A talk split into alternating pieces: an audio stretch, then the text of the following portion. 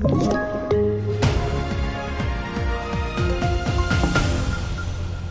Erdogan och Putin i möte om spannmålsavtal. Regeringen vill införa nytt jobbskatteavdrag och tre anhållna efter storbranden i Norrköping.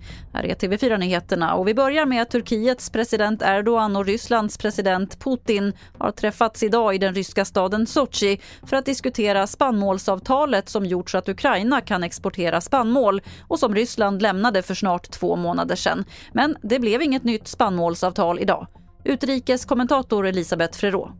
Nej, det blev det inte. Eh, Ryssland säger att man fortfarande är villig att eh, återuppta det här spannmålsavtalet men man ställer en lång rad villkor. Alltså man menar att väst inte har uppfyllt eh, sina åtaganden i det här avtalet när det gäller rysk export. Och, han säger nu tillsammans med Erdogan att man har ett förslag som man ska lägga fram till FN inom några dagar här om ett, hur man ska få igång det här avtalet igen. Men det är alltså inte på något sätt eh, klart. Han kräver något utbyte. Här hemma vill regeringen satsa 11 miljarder kronor på ett nytt jobbskatteavdrag i höstens budget. Enligt statsminister Ulf Kristersson skulle det innebära att en familj med en polis och en sjuksköterska skulle få sänkt skatt med 14 000 kronor per år. Till sist kan vi berätta att utredningen efter den stora branden i ett flerfamiljshus i Norrköping igår fortsätter och tre personer är nu anhållna. Två av dem misstänks bland annat för allmänfarlig ödeläggelse.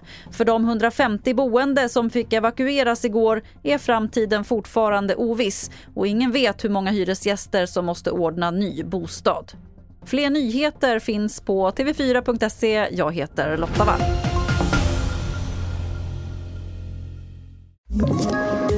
Poddtips från Podplay. I podden Något Kaiko garanterar östgötarna Brutti och jag, Davva, dig en stor dos skratt.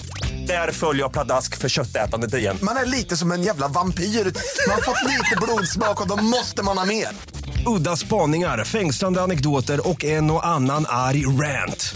Jag måste ha mitt kaffe på morgonen för annars är jag ingen trevlig människa. Då är du ingen trevlig människa, punkt. Något Kaiko, hör du på Podplay. Därför är gardinerna.